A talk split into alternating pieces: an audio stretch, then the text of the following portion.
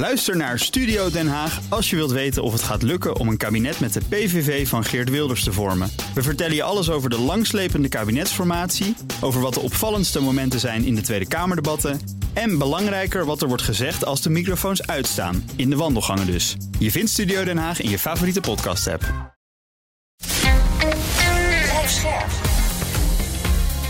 BNR Nieuwsradio. Eye-openers.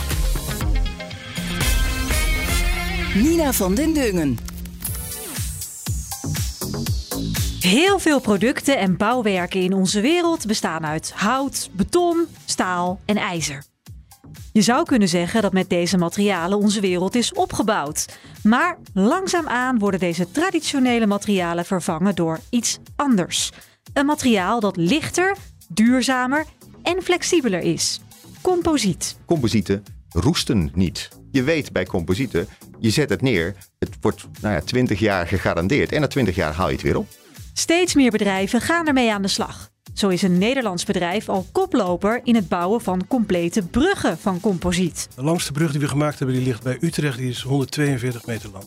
Composiet heeft een paar grote voordelen ten opzichte van de traditionele bouwmaterialen. En dat besef begint steeds meer door te dringen. Uh, wat heel hip is op dit moment is e-mobility, batterijen. En daar zullen we eigenlijk de, de markt zien enorm groeien. Mijn naam is Nina van den Dungen en welkom bij BNR Eye Openers. Composiet als materiaal is natuurlijk niet nieuw. Maar wat wel nieuw is, is dat het steeds vaker de plaats inneemt van de ons zo bekende materialen, zoals hout of staal. En dat komt omdat composiet één groot voordeel heeft. En dat is dat het zo licht is. Dat vertelt Ferry van Hattem. Hij is lector lichtgewicht construeren aan Saxion Hogeschool. Een composiet is een, uh, nou, een materiaal bestaande uit twee delen. Laten we het maar simpel houden. De vezels die zorgen voor de stijfheid, de sterkte, de echte eigenschappen. En de hars die daaromheen zit zorgt in feite voor de vorm, bescherming van de vezels en, en nog wat eigenschappen. Dat is de, de meest eenvoudige uitleg. Ja, en waarom is het dan beter dan bijvoorbeeld staal of beton of hout, alle materialen die we nu normaal gebruiken om te bouwen? Het, het is met name uh, een groot voordeel als je toepassingen hebt waar gewicht echt een issue is. Want gewicht is wel het grootste voordeel. Het is heel licht. Het is heel licht, zeker als je dat deelt zeg maar over je sterkte of je stijfheid. Dus de, de stijfheid per kilo of je sterkte per kilo. Een stuk metaal weegt, uh, laten we zeggen, acht. En een, een, stuk composiet, ja, die stelt er anderhalf tegenover. Dus als je dat Veel een beetje lichter. kunt matchen, ja, dat, je, je hebt gelijk al een uh, behoorlijk gewichtsvoordeel te pakken. Ja. En dat zie je ook in, in toepassingen als bijvoorbeeld, nou ja, windmolenbladen. Hè. Mensen kennen het wel. dat is eigenlijk alleen maar mogelijk uh, in composietmateriaal. Ja. Want anders wordt het gewoon te zwaar. Als je zo'n ding uit staal zou maken, zeker met die grote diameters van tegenwoordig, Mhm. dat bezwijkt bij wijze van spreken onder zijn eigen gewicht. Ja. Uh, dat, is, dat komt veel voordeliger uit voor composietmaterialen. Uh, en die kun je juist voor lichte, grote, dragende, structurele toepassingen gebruiken. Zoals de windmolenbladen, ze zitten al in vliegtuigen. En ja, toevallig zijn we daar in Nederland in een bepaalde tak van sport erg goed in. Ja, en dan zijn we dus bezig met eigenlijk het samenstellen van verschillende materialen die elkaar versterken. Het begint met een heel flexibel materiaal hè? en uiteindelijk wordt dat hard. En dan Ja. is het onverwoestbaar, onbreekbaar. Ja, dat, dat, dat wordt ook steeds beter. Je ziet ook de windmolenbladen worden ook steeds groter. En daarmee wordt de energieopbrengst ook steeds beter. Terwijl je eigenlijk dezelfde machine nog steeds hebt staan. Maar om die dingen steeds langer te maken, zul je beter tot op het randje moeten kunnen ontwerpen. En meer begrijpen van de, van de materialen. Maar inderdaad, windmolenbladen, vliegtuigen. Het zijn inderdaad de vezels die het werk doen. De kunststof die eromheen zit, dat is wat je zegt. Hè? Dat, dat begint een beetje soepel en daarna wordt het hard. Een ander groot voordeel is ook eh, vermoeiing bijvoorbeeld. Je kunt je voorstellen als jij een vliegtuigvleugel bent of je bent een windmolenblad. Heb je Ja, nogal wat krachten. Je, nou ja, je zwiept eh, duizenden malen heen en weer. En ja, ik weet niet als je wel eens een stukje eh, staal pakt, hangt er vanaf wat voor staal, maar een, een stukje metaal. Je buigt dat een paar keer en na, na vier keer Het breekt. breekt het. Dat heet vermoeiing. Eh, dat is ook een, een typisch nou ja, iets waarop ontworpen wordt in vliegtuigen. Eh, het is niet voor niks dat eh, modernere vliegtuigen, behalve het gewichtswind, juist ook vanwege die goede vermoeiingseigenschappen, steeds meer composietonderdelen krijgen. Ja. Bij windmolenbladen is het cruciaal. Dus het zit al in veel, nou eigenlijk dagelijkse dingen die wij om ons heen zien. Maar het kan dus nog veel breder toegepast worden. Geef eens voorbeelden Ja. daarvan. Nou goed, wij, waar we ons, uh, kom ik een beetje op mijn eigen gebied terecht, waar we ons bij Saxion in, in onze onderzoeksgroep uh, mee bezighouden, is heel erg kijken om die zegeningen van composietmaterialen, die je nu dan met name in, in de energiesector, in de transportsector vindt, om die toepassen in, in andere sectoren. Uh, daar moet heel erg gekeken worden naar de, naar de processen, hoe die dingen gemaakt worden. Maar als je bijvoorbeeld een, een, een kinderstoeltje bekijkt, achter in een, in een auto of een kinderzitje, zeg ik altijd maar, achter Ja. op een fiets. Ehm daar zitten vaak heel veel ribben aan de achterkant om dat stoeltje een beetje stijf te maken. Als je nou die ribben, als je lokaal vezelversterking mee zou kunnen nemen in je product, hoe je hoeft je machines niet aan te passen, et cetera, dan wordt het stoeltje veel stijver en sterker. En dus kun je het af met minder materiaal. Dus uiteindelijk wordt zo'n kunststofproduct, wat we nu een beetje ja, een plastic, Plastic. product eh, Ja. noemen, eh, dat wordt hoogwaardiger. Dus je kunt de, dezelfde product, aan dezelfde producteisen voldoen. Met minder materiaal, in dezelfde processen, sneller, voordeliger, et cetera. Grappig is zelfs, we hebben een project gelopen, dat is dan eigenlijk aan de high-end kant, eh, een aerospace project. Daar hebben we eigenlijk afval wat eh, Fokker, GKN Aerospace had, hebben wij eh, bij ons in het lab kunnen recyclen tot een nieuw product. En het zijn zeg maar de kleppen die in de staartdelen waar dat productieafval vandaan kwam, weer opnieuw erop gezet worden. Moet je even open doen om te kijken of de olieniveaus nog wel goed zijn. Dat soort dingen. Eh, dat werd eerst gemaakt van virgin, clean materiaal. Eh, we hebben het gemaakt van afvalmateriaal. Dat breek eh, nou ja, ruwweg een derde van de kosten, eh, de, de cyclustijden, dus hoe lang het duurde om het te maken, ging van, van uren naar minuten. En aan het eind van de rit was het ook gewoon 80% CO2-besparing. Met name omdat het onderdeel zelf 9% lichter was geworden. Ja. Dus men denkt al dat oh, recyclen dat wordt slechter. Nou ja, niet per se. We hebben hiermee aangetoond dat het ook echt beter kan worden. Doordat je andere processen kunt gebruiken. Je anders over het ontwerp na gaat denken. En die vrijheid van ont- ontwerpen. Dat is nou typisch iets voor composiet. Composiet is dus een loeisterk materiaal dat ook nog eens een stuk duurzamer is dan bijvoorbeeld hout. Dat komt omdat het in steeds meer gevallen wordt gemaakt van gerecyclede materialen. Bovendien gaat het dan ook nog eens een stuk langer mee en vraagt het geen onderhoud. Reden genoeg voor steeds meer bedrijven om over te stappen op composiet. Ook in de grote infrastructuur. Simon de Jong is medeoprichter en CEO van Infracore, dat bruggen bouwt met composiet. Alle soorten bruggen. Dus dat zijn fiets- en voetgangersbruggen, maar dat zijn ook eh, bruggen voor zwaar verkeer. Ja. Dus eigenlijk alles wat je in bruggen kunt bedenken, dat kunnen wij maken met onze technologie. Van groot tot klein. Ja, ja, de langste brug die we gemaakt hebben, die ligt bij Utrecht. Die is 142 meter lang. Zo. En, en eh, zit daar geen grens aan? Want eh, uiteindelijk, eh, je moet ook werken met stijve materialen. Want je wil geen golvende brug, hè, als het Ja. op een gegeven moment een beetje hard waait. Kan dat allemaal? Is het gewoon Ja. hetzelfde effect als met staal? Nou, het is anders natuurlijk, maar kijk, technisch kun je met dit soort materialen bijna elke overspanning halen die je zou willen. Dus ook veel verder en veel langer dan met staal en beton. Maar economisch is dat totaal niet relevant, Waarom niet? omdat het te duur wordt. Dus het is vaak helemaal niet zo eh, interessant om een hele grote overspanning te hebben. Een, een, tussensteunpunt is veel goedkoper en eh, vaak net zo efficiënt. Dus dat je meer op onderdeelniveau gaat Ja. kijken van een Ja. brug en niet de complete brug. Omdat die dan, als het te lang is, dan wordt het veel te duur in verhouding tot eh, staal. Het is, het, is, het is altijd een kwestie van geld. Er wordt gerekend en dan, dan bekijk je wat het, wat het meest past bij die situatie. Ja. Dat is ook, vind ik ook wel de- het unieke van, van composietmaterialen. Je kunt ehm, heel nauw gedefinieerd op een toepassing ontwerpen. Dus Ja. dat, is, dat he- heeft veel meer mogelijkheden dan bij beton en staal, bij wijze van spreken. Je kunt, je kunt echt zeggen, nou, dat moet het doen. En dat geldt voor brandeigenschappen, dat geldt voor overspanning, dat geldt voor onderhoud, dat geldt voor bouwlogistiek. Al die aspecten die kun je meenemen in je ontwerpproces. En dan kom je tot eigenlijk een, een, een optimale oplossing met dit soort materialen. Dus er zit veel meer mogelijkheden in. En hoe komt dat? Eh, is het omdat dat materiaal gewoon flexibel is, waar staal eh, nou dat niet is? Ja, het, het, het, is, het is in feite, een, het, het woord zegt het al, het is een composiet. Dus je stelt het samen op de, op de toepassing. Dus je kunt het eh, ook in die zin ontwerpen. Kijk, het is misschien ingewikkeld, maar eh, een, een brug, als je die van staal of van beton of hout maakt, wat overigens eh, fantastische bouwmaterialen zijn die ook nooit zullen verdwijnen. hè. Nee. Ehm, als die brug sterk genoeg is ontworpen, dan is die ook altijd wel stijf genoeg. Dus die brug die beweegt niet als je daar overheen loopt.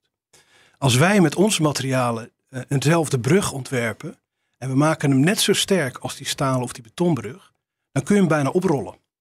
Dus die stijfheid, dat is iets wat, eh, ja, wat, wat niet past binnen het denken in bruggenbouw op dit moment. Want we willen niet over een bewegende brug lopen. Nee, dat is niet prettig. Dus wij eh, dimensioneren dat soort bruggen op stijfheid. En als die stijf genoeg is, dus net zo stijf als een stalen brug of een, eh, of een betonnen brug, dan is die ook factor 10 keer te sterk. Mhm. Dus het zijn ook hele veilige bruggen om die reden. Dat, eh, Ja. maar filosofisch gezien het zou het natuurlijk mooi zijn als je zou durven nadenken over bruggen die een klein beetje bewegen. Want dan wordt je hele infrastructuur in deze samenleving veel en veel goedkoper. Ja. En dat is helemaal niet zo gek. Een touwbrug in, in, in, in, in Zuid-Amerika, die beweegt ook. Maar het is natuurlijk een beetje eng als een of andere brug over het water eh, zit te schommelen waar jij met je auto rijdt. Nou ja, binnen de norm. Als je, eh, nu, nu zijn die normen eh, voor bruggenbouw, die zijn gebaseerd op de materiaaleigenschappen van staal, beton en hout. Mhm. Maar je zou wel daar iets flexibeler mee kunnen omgaan. En dat scheelt echt heel veel geld in, in, in je aanbestedingen. Ja, ja. Dus die, de, de, de, de, de kracht van die materialen, die zou je meer tot hun recht kunnen laten komen als je ze niet steeds maar eikt op de normen en de, en de, en de technische eisen die we stellen aan eh, bruggen van meer traditionele materialen. ja. Maar composiet is duurder, zeg je al. Dus uiteindelijk eh, de brug die je bouwt, ook afhankelijk van de lengte, is duur om neer te leggen. Waarom zou je composiet kiezen als materiaal boven staal? Nou, dat is, dat, is, dat is niet helemaal zo. Een brug, als je het project breed bekijkt, dan is een brug van composiet eigenlijk helemaal niet duurder dan staal. Dus wij bouwen in Rotterdam 150 bruggen per jaar. En die worden gewoon in concurrentie eh, in, een, in een aanbesteding eh, verkocht.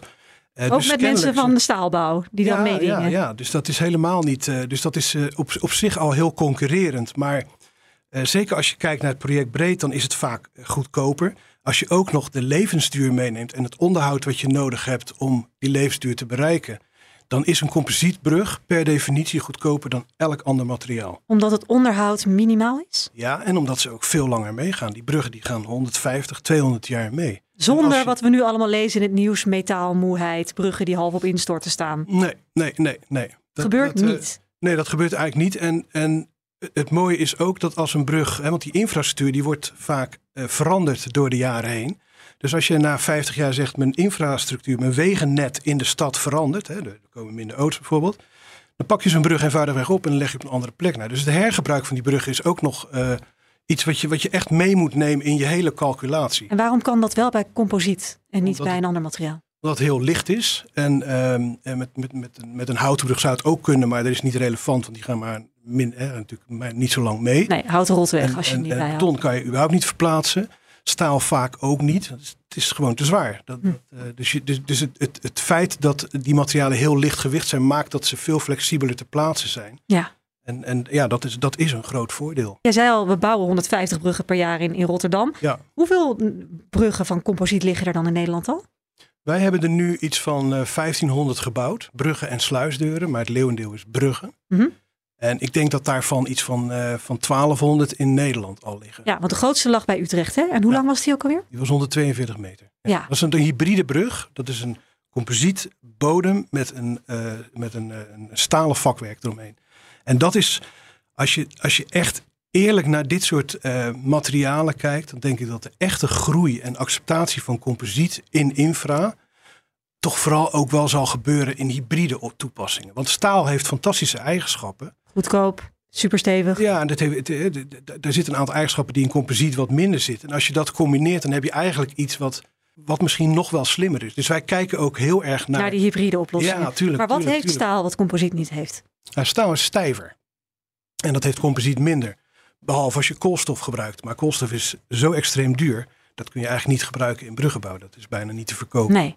En jullie hebben ook echt een speciale samenstelling hè, gepatenteerd voor. Ja, wij Eh, gebruiken in feite, want, composiet. want composiet bestaat in, in- in- al sinds de Tweede Wereldoorlog. En het, het wordt op heel veel plekken ook, eh, ook toegepast. Maar eh, wij hebben een manier waarop we, glas is de wapening, engelenhaar. Dus een, een draadje glas is tien keer zo sterk als staal. En die wapening, die leggen wij op een speciale manier in een constructie. En dat is gepatenteerd. En dat hebben we wereldwijd gedaan. En wat je nu ziet, en dat vinden wij natuurlijk hartstikke leuk, want dat was ook het plan. Eh, dat er een eh, fabriek in Australië is geopend waar ze infracorebruggen maken. En één in Canada, en één in Amerika, en één in Polen. Dus, een, dus die, die, die, die, die, die echte Hollandse technologie die we hier bedacht hebben, Die wordt nu langzaam maar zeker uh, verbreid over de wereld. Dat is natuurlijk het project waar we ooit mee begonnen zijn. Ja. Dat is fantastisch. Met composiet kun je dus ook wel degelijk groot bouwen.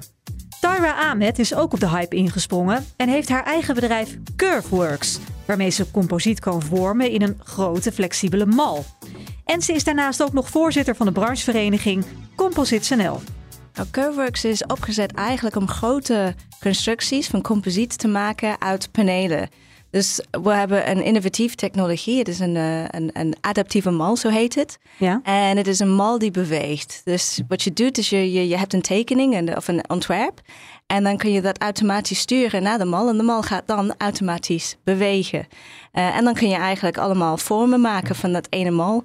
En, uh, dus en die mal is niet stijf. Die mal is zo super flexibel. het is super flexibel. Het is eigenlijk een pinnenbed.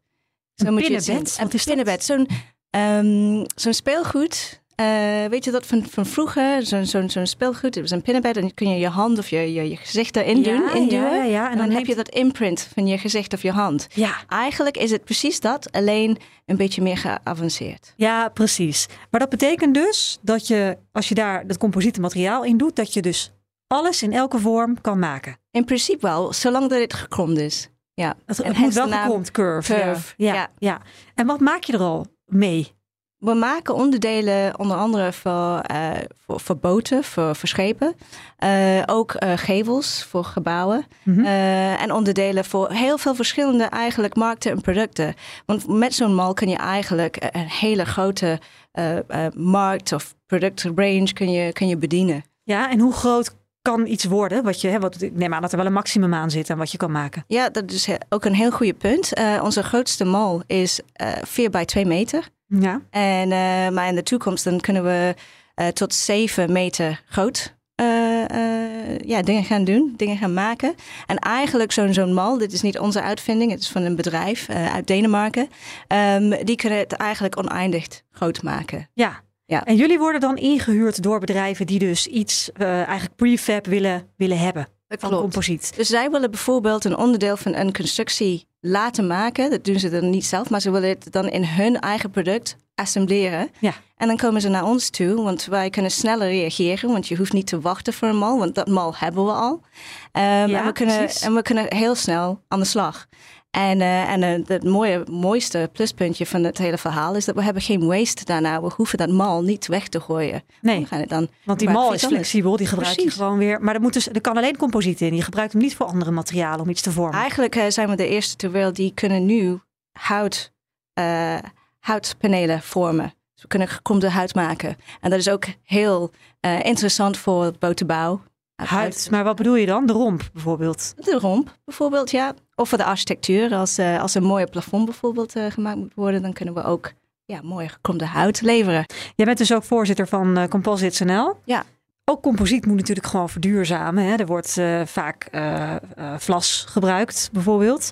Is die verduurzaming nu echt een prioriteit? Ja, het is de prioriteit op dit moment. Er wordt heel hard, hard gekeken, gekeken naar, eh, naar de duurzaamheid of de end of life. Eh, hè, daar, daar, daar hebben we heel veel focus op. Je gebruikt composiet voornamelijk in producten dat die beweegt of constructies die beweegt. En ehm, hoe lichter een product is of, een, eh, of een, een constructie is, hoe minder energie het nodig heeft om te bewegen. Dus als ik denk aan een vliegtuig, als je 1 kilo bespaart, dan kun je over een hele jaar 100 kilometer verder gaan. Ja, Dus het, is heel belangrijk dat we kunnen eigenlijk dat, eh, dat gewicht besparen. vliegtuigen En- moeten gewoon lichter. ja, auto's en die zijn lichter. voornamelijk gemaakt tegenwoordig uit composiet. Maar als je praat over eh, end of life en wat gebeurt daarna, ehm, daar moeten wij eigenlijk meer volwassenen in worden. Ehm, tot nu toe was de volume eh, van composiet niet hoog genoeg om een kant-en-klaar oplossingen te hebben voor end of life. Maar is, we kijken heel he- hard naar andere materialen, hoe zij eh, gerecycled bijvoorbeeld of gedowncycled zijn. En, ehm, en die technieken kunnen we toepassen eigenlijk voor composiet. Ja, en, maar En daar dat is nog- waar we nu mee bezig Precies, zijn. dat, daar is nog een wereld te winnen. Hoor Absoluut, ja. En hoe verwacht jij dat de composietmarkt zich de komende jaren nog gaat ontwikkelen? Nou, wat heel hip is op dit moment is e-mobility. Ehm, en voor e-mobility praten we eigenlijk voornamelijk over, over batterijen. Maar als je batterijen gaat gebruiken, moet je eh, je toestel ook lichter worden. En daar eh, zullen we eigenlijk de, de markt zien enorm groeien eh, in, in, de, in de volume van gebruik van composiet. Ook wat lector lichtgewicht construeren Ferry van Hatten betreft, staan we pas aan het begin van een ware composietrevolutie.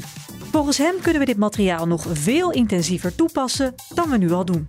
Waar we in Nederland toevallig erg goed in zijn, dat is de, de nieuwere generatie composieten. Dat heet dan de thermoplastcomposiet. Dus dan, de vezels zijn nog steeds hetzelfde, koolstof, glas, uh, kevlar zie je trouwens tegenwoordig ook steeds meer veranderen in natuurvezels uh, en, en, en bio, bio-based harssystemen.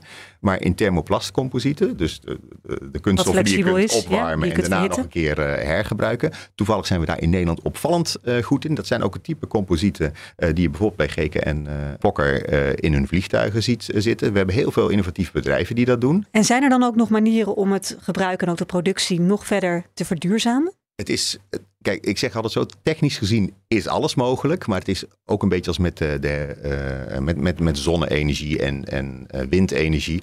Er moet een, een, een, groeiende interesse komen. Dan zie je dat de investeringen omhoog gaan en dan gaan de technische ontwikkelingen sneller. Waar zouden wij nu nog echte composieten in moeten zetten waar het nog niet gebeurt? In de bestaande toepassingen, maar dan uitgebreider dus uh, als, je, als je gaat kijken naar, naar bijvoorbeeld vliegtuigen, ook automobielen. Er zit een composiet in, zeker in vliegtuigen zit een steeds groter deel composiet in, maar dat kan meer.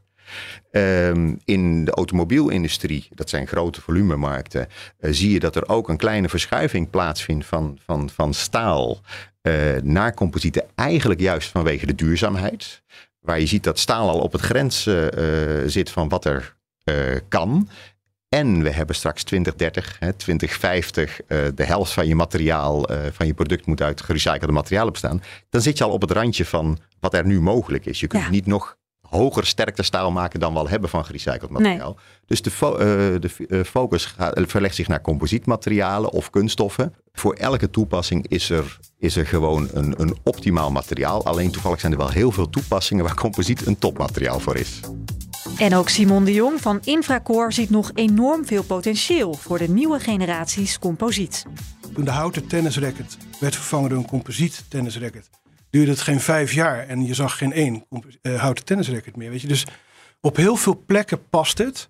En elke keer is weer de vraag: uh, krijg je het verkocht? En dat is uh, moeilijk en dat kost heel veel tijd. Want alle ingenieurs die bruggen inkopen in de hele wereld, die zijn al generaties lang opgeleid in beton, staal en hout. En dan komen wij met ons fantastisch mooie high-tech materiaal. Maar mensen die het inkopen, mensen die het certificeren, mensen die het verzekeren, niemand weet er iets van. Je snapt het, het dus is gewoon de kennis ontbreekt. Ja, dus je moet als, als heel klein, wij zijn nog een relatief klein bedrijf, uh, moet je de hele markt bewegen. Dus onderwijs moet je helpen met modules. Wij leiden zelf mensen op. TU Delft, civiele techniek, heeft nu pas een hoogleraar composiet zitten. Terwijl technisch kan het al lang allemaal. Dat, uh, maar je moet ja. met z'n allen die kant uit. En, de, en dat kost veel tijd. Wat zou je nog meer kunnen maken? Nou, we zijn nu, uh, en dat, want dat is kenmerkt van de technologie, vind ik een goede vraag. De bruggen en sluizen, dat draait. Daar hebben we oplages in en daar, daar, daar is de kwaliteit op orde, pep de pep. Maar uh, waar het nu voor wordt gebruikt, is bijvoorbeeld constructieve scheepsbouw. Scheepsbouw heeft een gigantisch probleem. Alles is van staal, containerschepen, zeegaande schepen. Ja. Dan over, niet over de pleziervaart. Nee. Uh, dus de, de, voortstuwing van die schepen vraagt ongelooflijk veel energie. Nou, daar Omdat je een enorme massa in beweging ja. moet brengen. Dus alles wat je daar uh, aan, aan, aan verlichting kunt brengen. Uh, Gewicht, gewichtsbesparing ja. kunt brengen, is, is winst. Dus je ziet nu dat die, we hebben nu net een project afgesloten van vijf jaar, het Ramses project. Waar we onze technologie hebben toegepast. Dat is een project samen met de negen grootste scheepswerven in Europa. Waar we de technologie hebben toegepast in scheepsdekken, helikopterdekken, roeren. Een roer van een containerschip is 40 meter hoog. Dat ja. beseffen mensen niet, maar nee. dat is een enorme constructie. En uh, daar hebben we ook uh, uh, een, een, Europese toestemming voor om dat te gaan toepassen. Dus scheepsbouw, denk ik dat nu een van de speerpunten gaat worden van wat wij aan het doen zijn met de technologie. En daarmee zijn we aan het einde van deze aflevering over composiet als innovatief, duurzaam bouwmateriaal. Volgende week ben ik er niet, maar dan word ik vervangen door mijn collega Meindert Schut, die een boeiende aflevering maakt over nucleaire innovaties, zoals kernfusie. Mijn naam is Nina van den Dungen en veel dank voor het luisteren. Ook Bas van Werven vind je in de BNR-app. Ja, je kunt live naar mij en Iwan luisteren tijdens de ochtendspits. Je krijgt een melding van Breaking News. En niet alleen onze podcast Ochtendnieuws. Maar alle BNR-podcasts vind je in de app. Download nu de gratis BNR-app en blijf scherp.